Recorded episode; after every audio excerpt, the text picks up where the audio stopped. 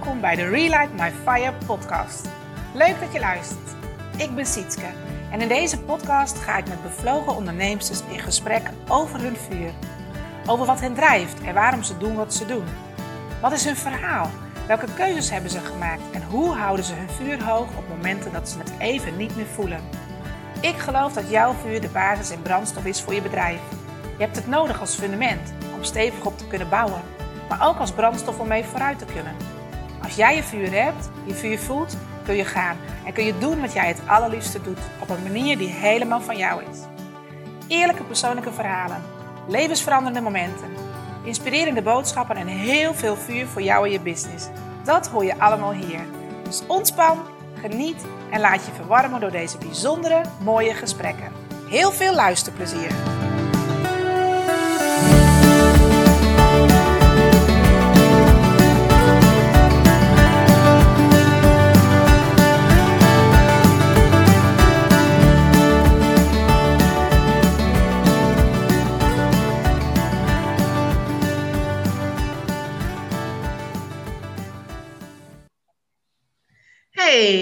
Goeiedag. Welkom bij weer een nieuwe Relight My Fire podcast.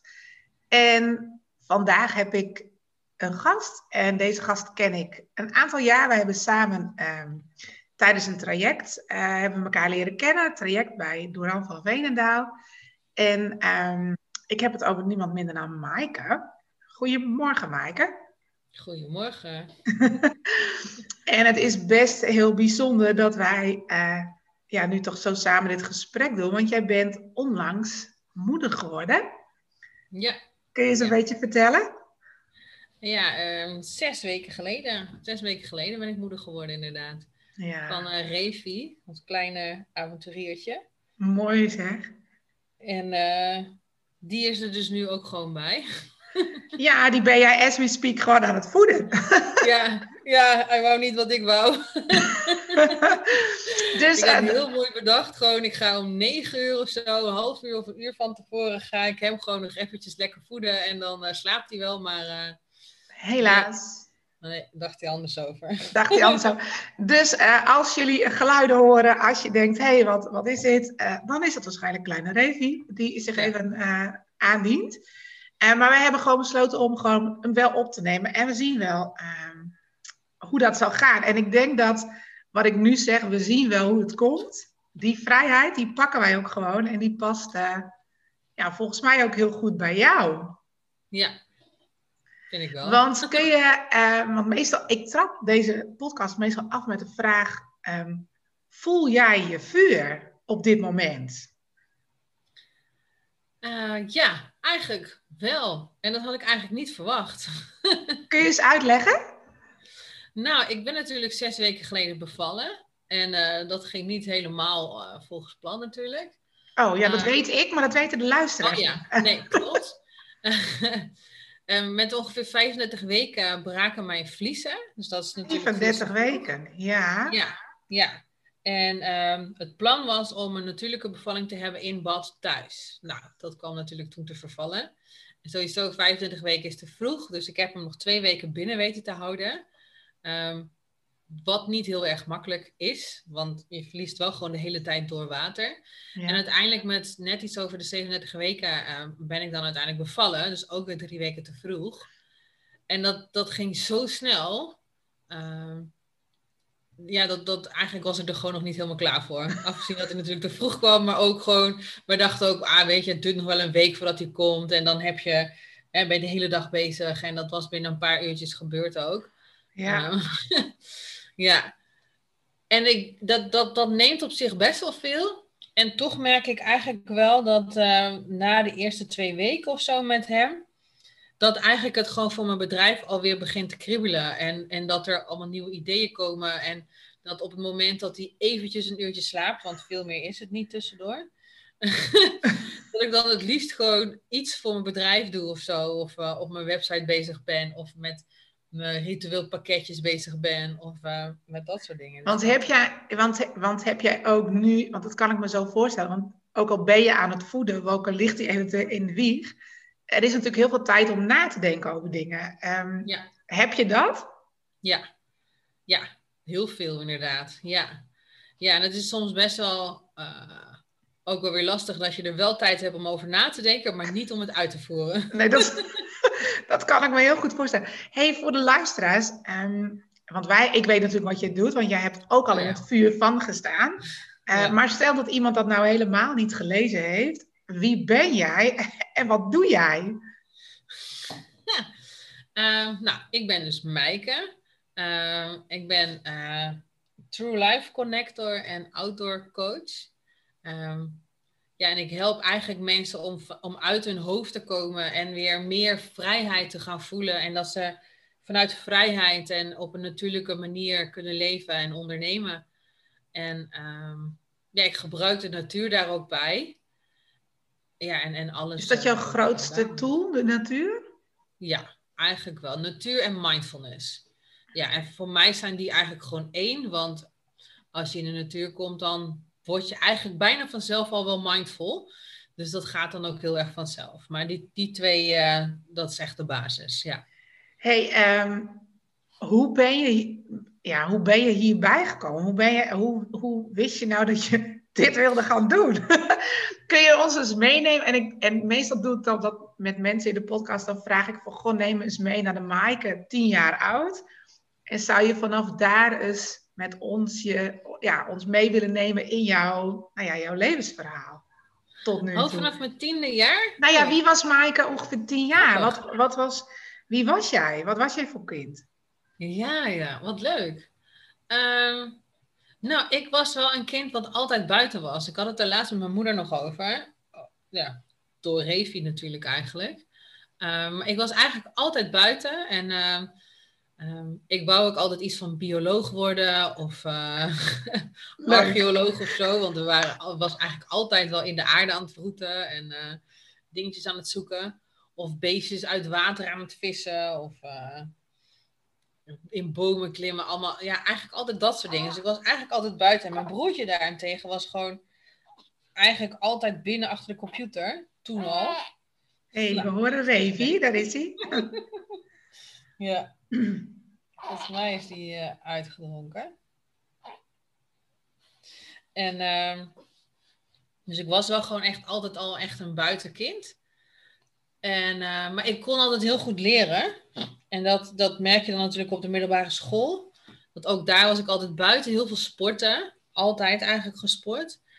Volgens mij vanaf mijn twaalfde eigenlijk al gewoon elke dag. We ook, uh, ik deed altijd atletiek, dus daarvoor gingen we ook naar Nederlands kampioenschappen. Zo. Alsof dat normaal is, maar... Nou. Uh, omdat je daar... Ja, omdat je er natuurlijk gewoon elke dag trainde eigenlijk. En dat, dat vond ik ook gewoon heerlijk om te doen. Ging een uur fietsen naar school. Zat ik even op school, fietste weer een uur terug. En dan, nou, dan ging je eten en dan ging ik uh, naar atletiek. Of ging ik hardlopen of ik ging sprinten oefenen met mijn vader in het bos. Zo. Dat soort uh, dingen eigenlijk. En wat, jij was dus goed. Jij was, ja, want als jij naar de Nederlandse... hè? Ja. Dan, dan, ben je goed. Dan doe, dan, ja. dan doe je niet zomaar, ja. Ja, ja, ja ik, was, ik was goed. Um, vooral in, in de meerkamp dingen eigenlijk. Dus meerdere dingen tegelijk. Dat is ja. ook wel iets wat ik in de rest van mijn leven, zeg maar, uh, uh, heb, zeg maar. In meerdere dingen goed zijn. Um, maar ja, en dan ga je studeren. En in mijn wat geval... heb je gestudeerd? Wat heb je ge... ja. En zat jij op de HAVO of deed je VWO? Um, ik, heb, uh, ik ben begonnen op het gymnasium. En uh, toen gingen we eens een keertje in de vierde kijken bij een universiteit. En toen had ik bedacht dat ik daar nooit van mijn leven heen wou. Want dat zag er helemaal niet gezellig uit. En toen heb ik dat hele jaar eigenlijk verder een beetje gespijbeld. En uh, toen ben ik teruggegaan naar de HAVO. Oké. Okay. Ja, want ik dacht van, weet je, wat heeft het voor zin om VWO af te gaan maken als ik toch niet naar de universiteit wil? Dus ik kan net zo goed naar de HAVO, dus makkelijker. Dat denk je natuurlijk op je vijftiende. Ja, snap ik. En, uh, dus ik heb HAVO afgemaakt uiteindelijk. Dus ik ben op mijn zeventiende gaan studeren. Eerst een jaar in Nijmegen. Een hbo-opleiding voor voeding. En uh, ja, dan, dan zit je dus aan de andere kant van het land. Ik woon in Drenthe. Ja, dan zit je inderdaad aan de andere kant, ja. Ja, dus de atletiek viel op dat moment ook eigenlijk voor mij gewoon weg. Toen ben ik gaan voetballen. en uh, ja, na een jaar ben ik daarmee gestopt. Want ik vond het eigenlijk gewoon te, te makkelijk. En uh, het was toch niet helemaal wat ik ervan had verwacht. ben ik een jaar gaan werken en in dat jaar besloot ik om Nederlands recht te gaan studeren. Oké, iets heel anders. Ja, hoe ik daarbij ben gekomen. Het was ook eigenlijk meer omdat ik het gewoon niet wist. Ik wou eigenlijk in het leger of bij de politie. Ja. En um, nou, het leger vonden mijn ouders helemaal niks. Dat vond ik toen nog heel belangrijk. Um, politie, daar weet ik eigenlijk niet. Daar heb ik later nog wel een keer iets voor geprobeerd. Maar uh, dat, dat lukte dan uiteindelijk net niet. Of iets van psychologie of zo. Maar dat vond ik dan eigenlijk ook weer een beetje saai. Dus ik wist het eigenlijk gewoon niet. En toen had ik van een paar vriendinnen gezien, die deden rechten. En die hoefden maar tien uur in de week naar school. En nou, toen dacht ik, nou weet je, laten we dat gaan doen. Dus dat ben je, dat ben je toen gaan doen. Maar was dat wel iets wat eigenlijk, eh, je hebt het gedaan omdat je vriendinnen het deden. Het was niet omdat jij nou zelf daarmee, echt, dat het echt iets was wat bij jou paste. Nee, nee. Ik, uh, het ging me gewoon heel makkelijk af. En de, de enige vakken die ik wel echt heel erg leuk vond, waren criminalistiek en inleiding in de psychiatrie en, en dus dat soort uh, dingen. Dus ik heb ook nog wel uh, een keer gesolliciteerd bij de recherche. Maar ik had net één punt, scoorde ik te weinig op overwicht. Toen was het 23 of zo. Of, ja, dus dat vond ik ook best logisch. dus dat had ik wel, dat vond ik wel leuk. Maar voor de rest, nee. Ik, eigenlijk vond ik dat hele rechte nee. Ik wist al in mijn tweede jaar dat ik er nooit in wou werken eigenlijk. En toch heb je de studie wel afgemaakt. Ja, ja, omdat het en makkelijk ging en omdat het al mijn tweede studie was en mijn ouders betaalden het. Dus ik vond het een beetje lullig om weer te stoppen. Ik wist ook niet wat ik dan wou gaan doen. Dus ik denk, nou, maak het af, dan heb ik in ieder geval een papiertje en dan kan ik ergens aan het werk. En uh, toen heb ik daarna wel twee jaar naar werk moeten zoeken. Ja? Omdat ik gewoon nergens in paste. Ja. Maar jij paste dan gewoon niet bij een bedrijf of niet bij een organisatie of niet bij een. Werd jij constant afgewezen? Oké, ze zagen je. Ja. Ja, ik heb echt al honderden brieven gestuurd. Ze zagen jou eh, niet als jurist. Nee, nee, ik kreeg heel vaak te horen. Je bent niet het type van je, je bent niet het type dat wij zoeken. Je bent niet het type dat in het team past. Um, je bent niet het type jurist dat wij wat deed dat, En wat deed dat dan met jou? Ja, daar werd ik in het begin heel erg onzeker van. En op een gegeven moment heb ik een soort van keuze gemaakt. Dat weet je, als een bedrijf dat tegen mij zegt, dan pas ik daar dus ook gewoon niet. En dan wil ik daar ook gewoon niet werken. En dan is er dus iets beters voor mij. Ja, die, ehm, die, die overtuiging kon jij zelf hebben, die had jij? Ja, in, op een gegeven moment maken. Maar dat was gewoon een soort van zelfbescherming, denk ik ook wel. Want als je zo vaak een afwijzing krijgt, dat doet natuurlijk uiteindelijk wel iets. En, en toen, hoe oud was je toen? Um, nou, even kijken. 25, denk ik. 25 volgens mij. En ik was 27 toen ik uiteindelijk mijn eerste baan kreeg. En waar werkte je toen dan? Waar ging je werken? Toen ben ik uh, aangenomen bij de provincie Drenthe. Nou ja, eigenlijk niet daar, maar toen werd ik daar gedetacheerd. En een half jaar later ben ik toen als freelancer daar begonnen. Oké. Ja.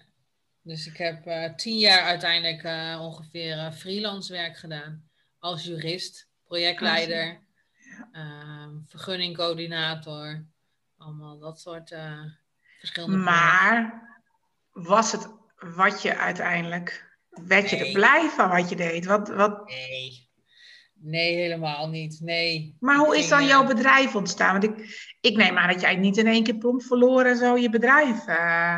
Nee. Hoe is dat gegaan? Nou, ik heb altijd eigenlijk, zolang als ik dit andere werk deed, al wel gehad van ja, dit is niet wat ik wil. Ik wil eigenlijk het liefst gewoon naar buiten. En ik ging altijd naar de acupunctuur um, voor mijn rug, omdat je zoveel zit. Mijn rug is daar dus niet voor gemaakt. En um, die zei dat ook altijd al, jouw lichaam is meer om te bewegen. Dus ik was altijd al wel een beetje aan het zoeken van wat zou dat dan kunnen zijn. En uh, toen ben ik in 2011 een keer met mijn toenmalige vriend zes weken wezen wandelen met, naar Rome. Een onderdeel van een pelgrimstocht zijn we toe gaan doen. En um, nou, daar loop je dan met je rugzak. We hadden tent mee, hond mee en die rugzak woog 18 kilo. En ik had nergens last van. Ik had geen last van mijn rug. Ik had uh, normaal gesproken heel veel dingen die ik niet kon eten. Ik was allergisch voor melk, allergisch voor, of nee, ik kon niet tegen vet. Ik kon geen brood eten, geen suiker. En tijdens die wandeltocht had ik nergens last van. Wat bijzonder. Ja. Wat bijzonder. Hey, wat, he, wat heeft dat dan met jou gedaan? Wat, Nou, en hoe maak je zo'n beslissing? Hè? Want we gaan, we gaan hem wandelen zes weken. Dat doet ook Ja. niet iedereen. Hè? Ik bedoel, waarom ging jij niet met je vriend eh, in het vliegtuig naar een warm, warm land om daar aan het wel strand te liggen? Wat, wat, wat, wat is- speelt hier nog meer? Want volgens mij zit er best wel wat achter. Ja, nou, we, hebben, we gingen ook natuurlijk wel, we gingen ongeveer vijf, zes keer per jaar op vakantie. Gewoon omdat ik zo ongelukkig was in mijn werk dat ik constant dacht, ik moet weg, kom we gaan. En Ja. dat kon ook, want doordat ik freelance verdiende ik gewoon onwijs veel geld. Ehm, en ehm, dus dat, we gingen ook wel naar warme landen. Maar we hadden allebei wel zoiets dat je ook, ja, we wouden ook gewoon wel eens iets anders doen. We zijn bijvoorbeeld ook een keer twee weken eh, in Tsjechië bij een eh, hele arme geitenboer geiten wezen melken tegen kost en inwoning. en ehm, dit kwam eigenlijk meer omdat ik dus nog steeds met het leger in mijn hoofd zat. En eh, nou ja, ik woonde vlakbij Havelte, daar zit een legerbasis. Mhm. En die hadden een open dag. En dan, eh, daar kon je heen, maar dan moest je je auto ergens op een weiland parkeren. En dat was het nog iets van acht kilometer of zo. En dan kon je met een busje heen en weer gependeld worden. En wij stonden te wachten en het duurde maar en het duurde maar. Toen dachten we, nou weet je, bekijk het, we gaan lopen. Dus toen zijn we acht kilometer heen en acht kilometer weer teruggelopen om die open dag te kunnen bekijken. En dat was dus een stukje wat we dagelijks reden. Maar we zagen dingen onderweg dat we dachten van ja, dit hebben we gewoon nog nooit gezien. En we zijn hier gewoon allebei opgegroeid, komen uit hetzelfde dorp. En ehm, we rijden hier elke dag langs. En we zien nou gewoon dingen die, die we gewoon nog nooit eerder hadden gezien. En dat vonden we zo bijzonder dat we dachten van weet je, misschien kunnen we wel ergens gewoon een wandelroute doen. En toen ben ik eigenlijk gaan zoeken. Ehm, wat voor wandelroutes, lange routes zijn er allemaal? Nou ja, een hele bekende pelgrimsroute is dan Santiago. Ja, Maar dat doet iedereen. Dus dan wil ik hem al niet meer. nee. En wij wouden wel graag gewoon dat je ehm, echt een mooie natuur ook liep en zo. En dat heb je bij Santiago natuurlijk ook wel. Maar er lopen zoveel mensen. En eh, wat ik had begrepen is dat, je, dat het best wel lastig is om op campings of zo te staan. Dus je slaapt voornamelijk in van die refugio's. Van die hutten zijn dat, waar je dan gewoon alleen je slaapzak en je matje nodig hebt. Trekkershutten volgens mij, hè? Ja, waar meerdere mensen in slapen. Maar we hadden ook een hond, dus die moest mee, vonden wij. En dat, dat kan dan weer niet in zo'n hutje, dus nou ja, ook lastig. Dus toen was ik verder gaan zoeken en dan heb je dus pelgrimsroute naar Rome. Onwijs onbekend, deden 100 mensen per jaar. In dat is plaats van de duizenden die naar Santiago gaan. Ja. En er was niet echt een route voor, dus je moest zelf verschillende routes aan elkaar plakken. Of met kompas hebben stukken gelopen, omdat er helemaal geen routes waren. En ja, dat vonden we qua uitdaging gewoon veel mooier ook. En waar zijn jullie gestart? Waar start dat? Ehm, nou, je kan overal starten eigenlijk, want je moet toch zelf een route bedenken eigenlijk. Wij zijn begonnen in Maastricht, aan het eind van het Pieterpad. We waren als oefening zeg maar een beetje het Pieterpad gaan lopen. En toen dachten we, nou, dan doen we die nog wel in stukjes ervoor en daarna. En dan beginnen wij aan het eind van het Pieterpad in Maastricht. Wauw. En dan zijn we door België, Luxemburg, Frankrijk naar Zwitserland gelopen. En daar zijn we na zes weken geëindigd. En ehm, toen zijn we weer met de trein teruggegaan.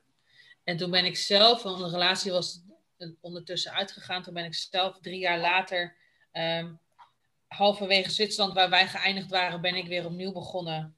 En ook Maar- zes weken gelopen. Maar toen alleen. Toen liep ik alleen met hond, ja. En tent. En hoe was dat? Wat, wat, he- wat, doen, wat doen zes weken alleen lopen met je als mens? Ja, veel. Dat, dat, dat is de uiteindelijke trigger geweest. Bij de eerste zes weken eh, wist ik van ik moet iets bewegen en buiten gaan doen. En het liefst wil ik de hele dag wandelen, maar ik wist niet hoe. Dus verder kwam het niet. En die tweede zes weken eh, heeft er echt voor gezorgd dat ik echt daar dacht van oké, dit... Ik was mezelf compleet kwijtgeraakt daarvoor. Dat was een van de redenen dat ik dit ging doen. Ik had een nieuwe relatie gehad en dat ging echt absoluut niet goed. En ehm, ehm, dus ik had bedacht, ik ga lopen in mijn eentje. En ik heb allemaal vragen voor mezelf onderweg waar ik over na wil denken. En Wat knap dat je, die, dat, dat je dat ook gewoon had.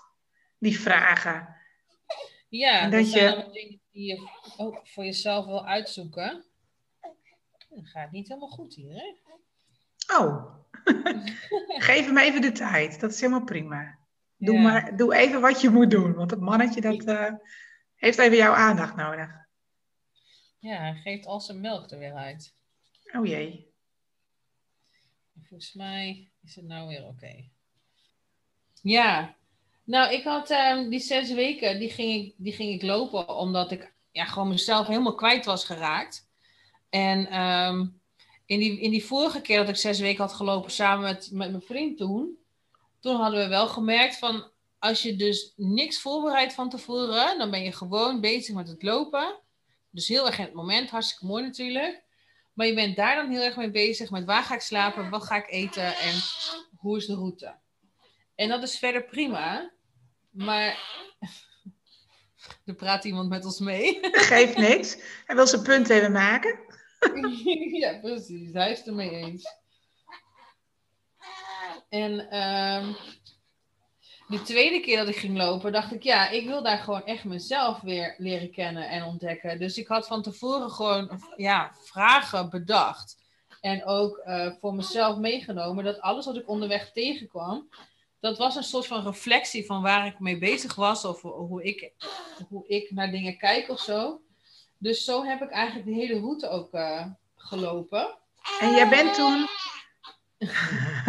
je bent toen in Zwitserland begonnen. Dat, daar, waar jullie geëindigd waren, daar ben jij, vanaf daar ben jij gelopen naar... Um, de, de route was naar Rome. Dus ik ben door Zwitserland heen gelopen naar het zuiden van Zwitserland. Tot de grens met Italië. Daar ben ik de grens ook overgestoken. Um, en ik denk dat ik uiteindelijk nog iets van drie of vier dagen in Italië heb gelopen. en um, toen ben ik eigenlijk omgedraaid. Want ik liep daar, ik liep samen met mijn hond, een beagle, die was ondertussen 12 jaar. Oeh, ja. En ik liep midden in de zomer. Daar had ik niet heel erg goed over nagedacht. Want in het was gewoon te warm. Ja, precies. En vooral, ik liep in het begin nog wel een beetje door de bergen heen. Maar ik kon de hele route niet helemaal volgen zoals ik hem van tevoren had bedacht. En uh, omdat ik dus met een hond liep. Dus je kan dan niet sommige stukken door de bergen waar ze uh, ja, bepaalde bruggen hadden gemaakt. Want daar kan zo'n zo'n hond niet overheen. Dus ik liep heel veel over straat. En in Italië zou het uiteindelijk alleen maar ah. erger worden. En over een hele grote open vlakte zijn waar je drie dagen over moest lopen. En het werd alsmaar warmer en warmer was op een gegeven moment, wij liepen al met 36 graden. Oh, jemig. Dus toen dacht ik, ja, dat is voor de hond gewoon niet best. Ik had wel schoentjes voor hem. maar uh, ja, dat, dat was gewoon niet te doen. Dus toen ben ik teruggegaan eigenlijk. Teruggegaan door Zwitserland heen weer naar beneden. Um, naar Basel. Uiteindelijk de grens nog weer over naar Frankrijk.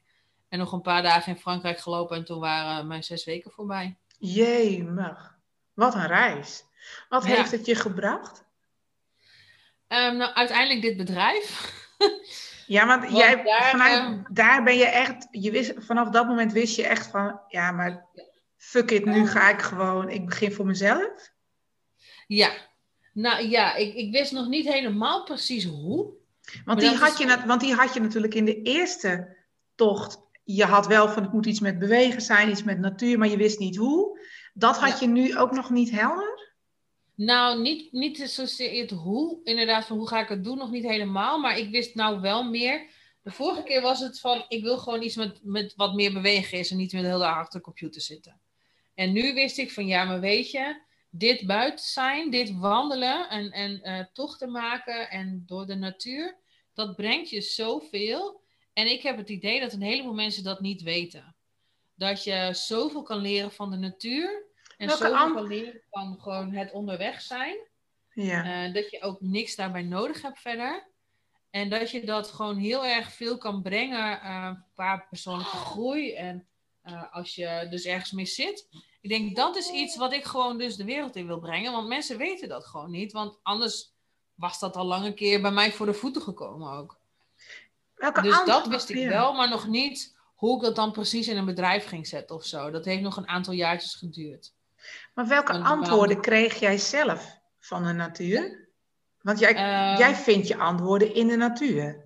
Ja, ja.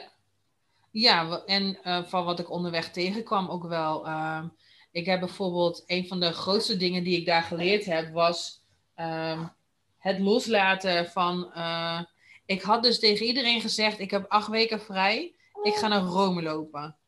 En ehm, dat kon dus precies in die acht weken kon dat ook. Maar goed, uiteindelijk is dat natuurlijk niet gebeurd. Maar dat vond ik wel heel moeilijk. Want ik was altijd van, ik heb het gezegd, ik heb het beloofd, zeg maar, aan Dan mensen. moet ik het mensen ook doen. denken dat ik dat ga doen. Dus ik doe het ook, kost wat kost. Ja. Mijn grootste les was dus eigenlijk... eh, ik heb daar ook drie dagen stilgestaan op dezelfde plek, zeg maar. Voordat ik omdraaide in Italië. Was dus om dat los te laten. Van ja, ik kan het wel beloofd hebben, maar het plannen veranderen. En eh, het maakt niet uit wat andere mensen ervan vinden. En ehm, dus, dus dat was een van de dingen die ik onderweg heb geleerd. Ja, en, en hoe je met mensen omgaat. Of eh, dat je je veilig kan voelen overal. Dat je niet zoveel nodig hebt onderweg. Dat, ja, dat waren, of, ja, dus dat je sowieso niet zoveel nodig hebt. dat waren eigenlijk allemaal dingen die ik, die ik onderweg ja, tegenkwam. En, en ja, voor, voor mezelf meenam eigenlijk. eh. Hey, en, en toen, ja, toen heb je die tocht gedaan. En daarna? Wat is er daarna gebeurd? Want je was natuurlijk ook nog gewoon steeds aan het werk. Freelance. Ja, maar het werd wel moeilijker. Ik merkte wel toen ik terugkwam dat ik eh, wel Paste, echt... het, paste het niet meer? Nee, het, het paste sowieso al niet. Maar toen werd dat gewoon zoveel meer duidelijker nog. Ehm, toen ben ik ook wel begonnen met, ehm, ja, met NLP-opleiding te gaan doen bijvoorbeeld. En een systemische werktraining. En wat workshops hier en daar te gaan volgen. Toen ben ik eigenlijk met dat soort dingen gaan beginnen. En ehm, mijn opdrachten werden ook minder. En, en Dus, dus eigenlijk ehm, ja, heeft het, heeft het, het paste, zeg maar. De opdrachten werden minder. Jij ging juist meer aan opleiding en coaching eh, dingen volgen.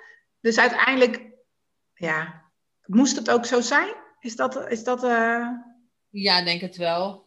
Ja, want de opdrachten waren er nog wel. Maar ik werd opeens veel moeilijker aangenomen. Terwijl daarvoor ehm, hoefde ik maar gewoon ergens op gesprek te gaan. En ik werd al aangenomen. En kon beginnen aan zo'n opdracht, zeg maar.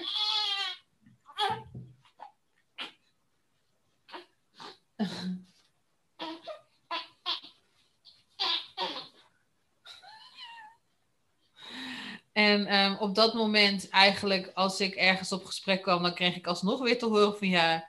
ja je past, je past hier niet? Nee. Ja, je past hier niet.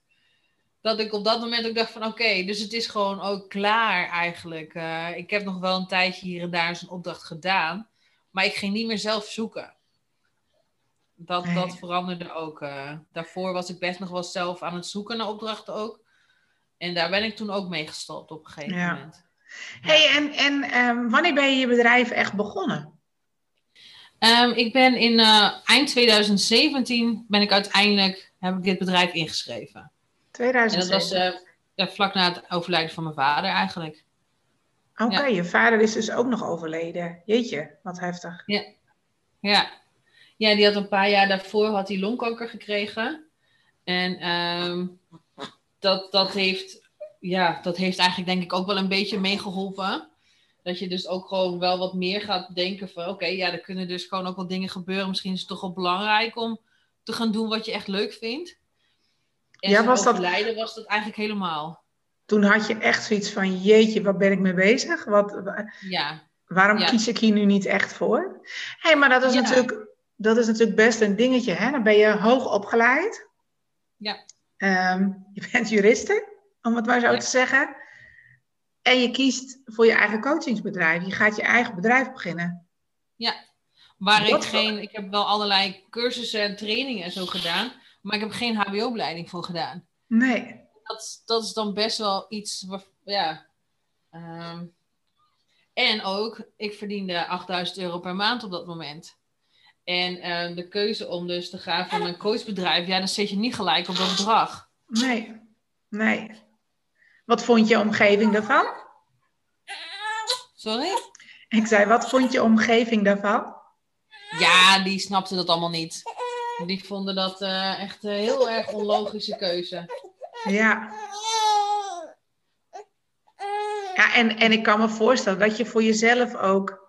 Het is ook geen makkelijke keus natuurlijk. Nee, nee, dat is het niet. Ik denk dat uh, mijn vader is het laatste half jaar heel erg ziek geweest. Ik denk dat dat. Zo. dat was hem. ik denk dat dat wel heel erg meegeholpen heeft. Want ik ging eigenlijk elke dag naar mijn vader toe. En dan ging ik met hem een stukje wandelen. Hij zat in een rolstoel toen. En dan hadden we het ook over dat hij... Uh, hij heeft altijd heel veel gewerkt. Ja. En dat hij eigenlijk wel spijt ervan had dat hij niet meer bij zijn gezin is geweest. En niet meer dingen heeft gedaan die hij graag had willen doen. En dat zei hij dat, dat zei die letterlijk. Dat zei, heeft hij ook tegen jou gezegd. Ja, ja. En waar hij eerst altijd uh, opschepte over, ja, mijn, mijn dochter is de eerste van de familie die is afgestudeerd aan de universiteit. En uh, mijn dochter is jurist. En uh, um, zei hij nu voor het eerst van, dat, het, dat, hij het, dat hij er trots op was dat ik ging kiezen voor dat coachen. En dat ik daarmee bezig was. En dat ik mijn hart meer volgde. En, en hij, hij, hij, heeft echt, hij heeft jou echt willen vertellen van volg alsjeblieft je hart. Ja. ja. Dat heeft hij dus ook gezegd. Ja, dat heeft hij gewoon eigenlijk echt gezegd, ja. ja. En toen ben je dat gaan doen. Ja. ja. Wauw. Ja, hey, je denkt opeens van het kan zomaar afgelopen wezen. Natuurlijk, mijn vader was wel gewoon 80 al hoor, maar het kan wel opeens afgelopen zijn. Ja. En dan denk je na de tijd van ja, maar heb ik nou echt gedaan wat ik wou doen, waar mijn hart lag en waar ik blij van werd? Of ben ik blijven doen wat de mensen om mij heen van mij verwacht hebben al die tijd? Ja, of wat een mooi plaatje naar buiten is. Ja. hey, en, en um, we zijn nu 2021, je bent moeder geworden. Um, hoe, hoe help jij de mensen in jouw bedrijf? Ik ga echt uh, met mensen echt naar buiten inderdaad. Dus uh, we gaan bijvoorbeeld een stiltewandeling doen buiten ergens. Um, ik zoek meestal wel uh, wat mooie plekjes in de natuur uit. Ook dat, ja, waar je allerlei verschillende dingen kan doen. Zoals? Um, nou, het kan zijn dat we bijvoorbeeld uh, een vision quest gaan doen. Dus dat je ergens gewoon twee of drie uurtjes um, in de natuur een plekje moet gaan zoeken. En dat je je telefoon en alle dat soort dingen wat je af kan leiden, dat geef je aan mij. Dat laat je bij mij. En dan moet je eigenlijk daar in stilte bijvoorbeeld gaan zitten. En dan gaan we na de tijd natuurlijk wel bespreken wat er allemaal met jou gebeurt. Want er gebeurt natuurlijk heel veel om alleen maar met je eigen gedachten te zijn. Um, dat is iets wat we wel eens doen. Um, we hebben natuurlijk ook wel gewoon dat we gewoon wandelen en ondertussen um, de natuur echt gebruiken in de coaching. Dus dat waar we het over hebben of waar jij tegenaan loopt, um, nou ja, dat je daarvan dingen in de natuur om je heen ziet. Ik stel je dan gewoon allerlei vragen natuurlijk. En dan maak je echt gebruik van wat je op dat moment tijdens ja. zo'n wandeling tegenkomt. Um, misschien in het bos, op de hei, waar je oog op valt. Wat je... Oké, en dat vertaal jij op zo'n moment naar, ook naar de situatie waarin je zelf zit of wat je nodig hebt? Of... Ja, ja. Ja, precies dat. Ik heb er ook een. Uh, het is gewoon echt een, een natuuroefening, zeg maar. Ik heb er ook een voorbeeldje van gemaakt, staat op mijn website. Um, waar je dus eigenlijk gewoon bepaalde vragen stelt. Ja, wat valt je nou op in de omgeving als je eraan denkt? En uh, wat voel je erbij? Wat doet het met je? Wat zegt het jou? Herken je het ergens van? Weet je, dat soort vragen worden dan gesteld. En op die manier kan je dan, ja, hebben wij er dan gesprek over tijdens een wandeling. En kan je ook gewoon heel vaak weer dingen bij jezelf uh, ja, helderder krijgen, duidelijker krijgen, waar je anders ja. niet aan gedacht had. Want je bedenkt het niet vanuit je hoofd op dat moment, maar het komt echt meer vanuit je onderbewustzijn, vanuit je gevoel. En dat komt ja. ook letterlijk op je pad op zo'n moment. Ja, precies. Ja. Dus eigenlijk is het ook, de natuur geeft je direct eigenlijk je antwoorden terug. Ja. De natuur spiegelt je ook enorm. En want jij ziet wat voor jou belangrijk is en wat bij jou speelt. En uh, ik zie weer iets anders. En we kunnen allebei naar dezelfde boom kijken en er totaal iets anders uithalen eigenlijk. Ja, ja mooi is dat. hey, dat voor, wie, voor wie ben jij er? Um, ik ben er voor mensen die wel bewust zijn al redelijk. Dus die al wel wat, uh, wat dingen gedaan hebben. Um, maar die eigenlijk meer vrijheid in hun leven willen. Dus die meer En letterlijk, letterlijk vrijheid in je hoofd of vrijheid... Op uh... allerlei manieren eigenlijk. Ja, dus dat je wel ook meer vrijheid in je hoofd wil, dat, dat heb je volgens mij wel eerst nodig om vervolgens ook meer vrijheid in je leven te kunnen krijgen en om vrij te kunnen ondernemen. Uh, dus we beginnen wel altijd met meer vrijheid in je hoofd en dat je wat minder begint te, minder gaat denken. Meer en, gaat voelen. Ja, wat meer vanuit je gevoel dingen gaat doen. Ja. Ja. En dat je vanuit daar dus ook vrijer kan gaan leven en vrijer kan gaan ondernemen. Ja. ja hey, waar droom jij nog van? Um, nou, ik doe met de coaching bijvoorbeeld dus ook uh, dat we uh, het water opgaan. En dat is wel iets wat ik zelf echt helemaal geweldig vind. Dus daar wil ik eigenlijk wel wat meer mee. Um, dus samen met mijn huidige vriend ja, dromen we eigenlijk van, een, we noemen het nu zeg maar een soort van mini-camping. Met een stuk erbij dat aan het water is. Want dat is dan echt voor mij. Waar dus ook subboards liggen, waar je gewoon het water in kan. Uh, waar we ook de coaching gewoon op het water kunnen doen. Dat doe ik nu ook al een stukje, maar dat zou ik graag meer willen doen. Um, ik heb er echt al helemaal een beeld voor me, zeg maar, met er allemaal zitzakken zijn en hangmatten. En dat er een poton is in het water waar je dan yoga of meditaties op kan doen. Dat je met een bootje ergens heen kan varen om een meditatie op het water te doen. Gewoon allemaal dat soort dingen. En, en ook uiteraard moet er gewoon wel bos in de buurt zijn, zodat je ook gewoon lekker wel toch het bos in kan maken. Of uh, misschien een paar reizen organiseren. Gewoon eigenlijk alles wat een beetje met het vrije leven te maken heeft. En uh, natuurlijk leven te maken heeft ook. En dan op een locatie van onszelf. Waar dan ook, nou mijn vriend doet dan bijvoorbeeld aan hout bewerken. Dat hij uh, houten projectjes maakt, zeg maar, zo noemen wij dat dan, van hout wat hij zelf vindt in het bos. Oh, dat, maakt, hij, daar maakt hij zelf. Dat maakt, hij vindt hout in het bos. Dat doet hij nu al en dat bewerkt hij tot tafels, alles. Uh, snijplanken of zo, die dan bewerkt weer. En ja, ja, gewoon wat je hier in Drenthe in het bos vindt. Wauw. Ja, en dus- dat, dat willen we dan daar ook gewoon erbij in hebben. Dat de, de tafels die we daar hebben staan, dat die door hem gemaakt zijn bijvoorbeeld. En ehm, dat je die dan ook kan kopen uiteraard. Maar ja, dat dat ook gewoon gelijk gebruikt wordt daar. Ja. En dan ook die camping erbij, maar wel gewoon... Mogen geen caravans komen. Nee, snap ik. Maar jullie zijn wel echte nature people. Echte, ja, ja, jij bent ook echt een nature girl. Ja. Ja, het past helemaal bij jou. Ja. Wauw. Zelfs de kleine is al echt helemaal nature, want zodra we naar buiten gaan is hij altijd stil. Ja, mooi. Ja, ja. hey, en, ja, en ehm, als jij nou een advies zou mogen geven aan, stel nou, um, nou ja, gewoon aan mensen of aan andere ondernemers, wat, wat zou je willen zeggen? Welk advies zou jij willen geven? Ehm, ja, eigenlijk het wat ik dan zelf een beetje cliché advies vind, zeg maar. Volg je hart.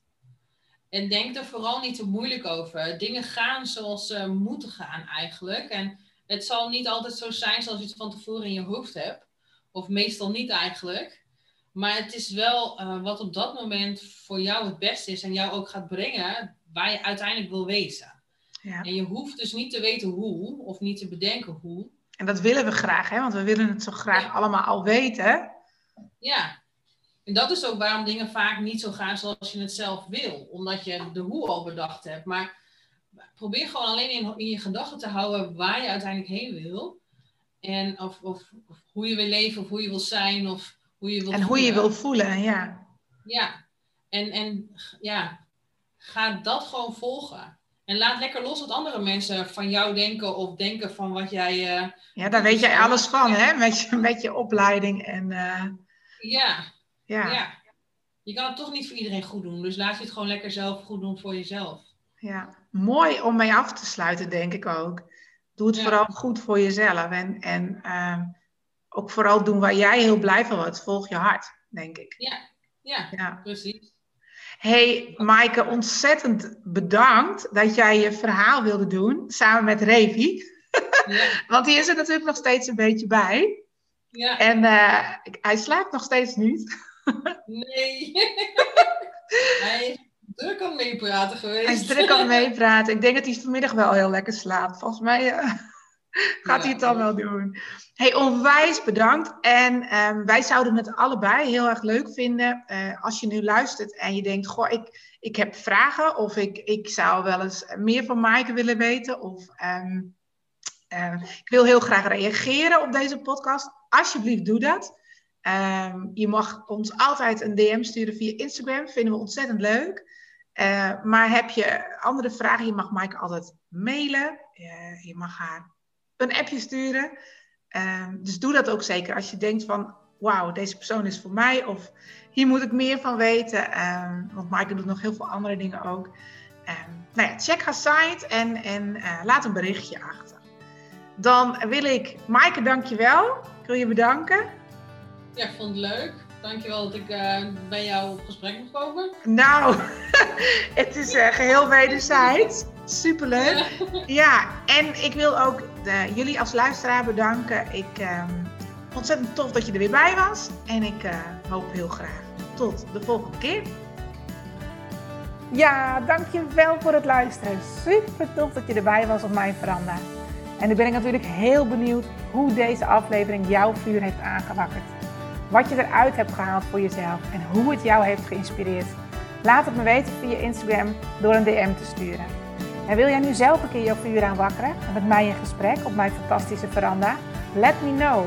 Dat kan via mijn website www.sietskedijnen.nl of gewoon via Instagram. En ben jij nu geïnspireerd geraakt en wil je ook anderen inspireren? Deel dan deze aflevering. Maak een screenshot en tag me in jouw stories of in je feed. Super dankjewel en heel graag tot de volgende keer.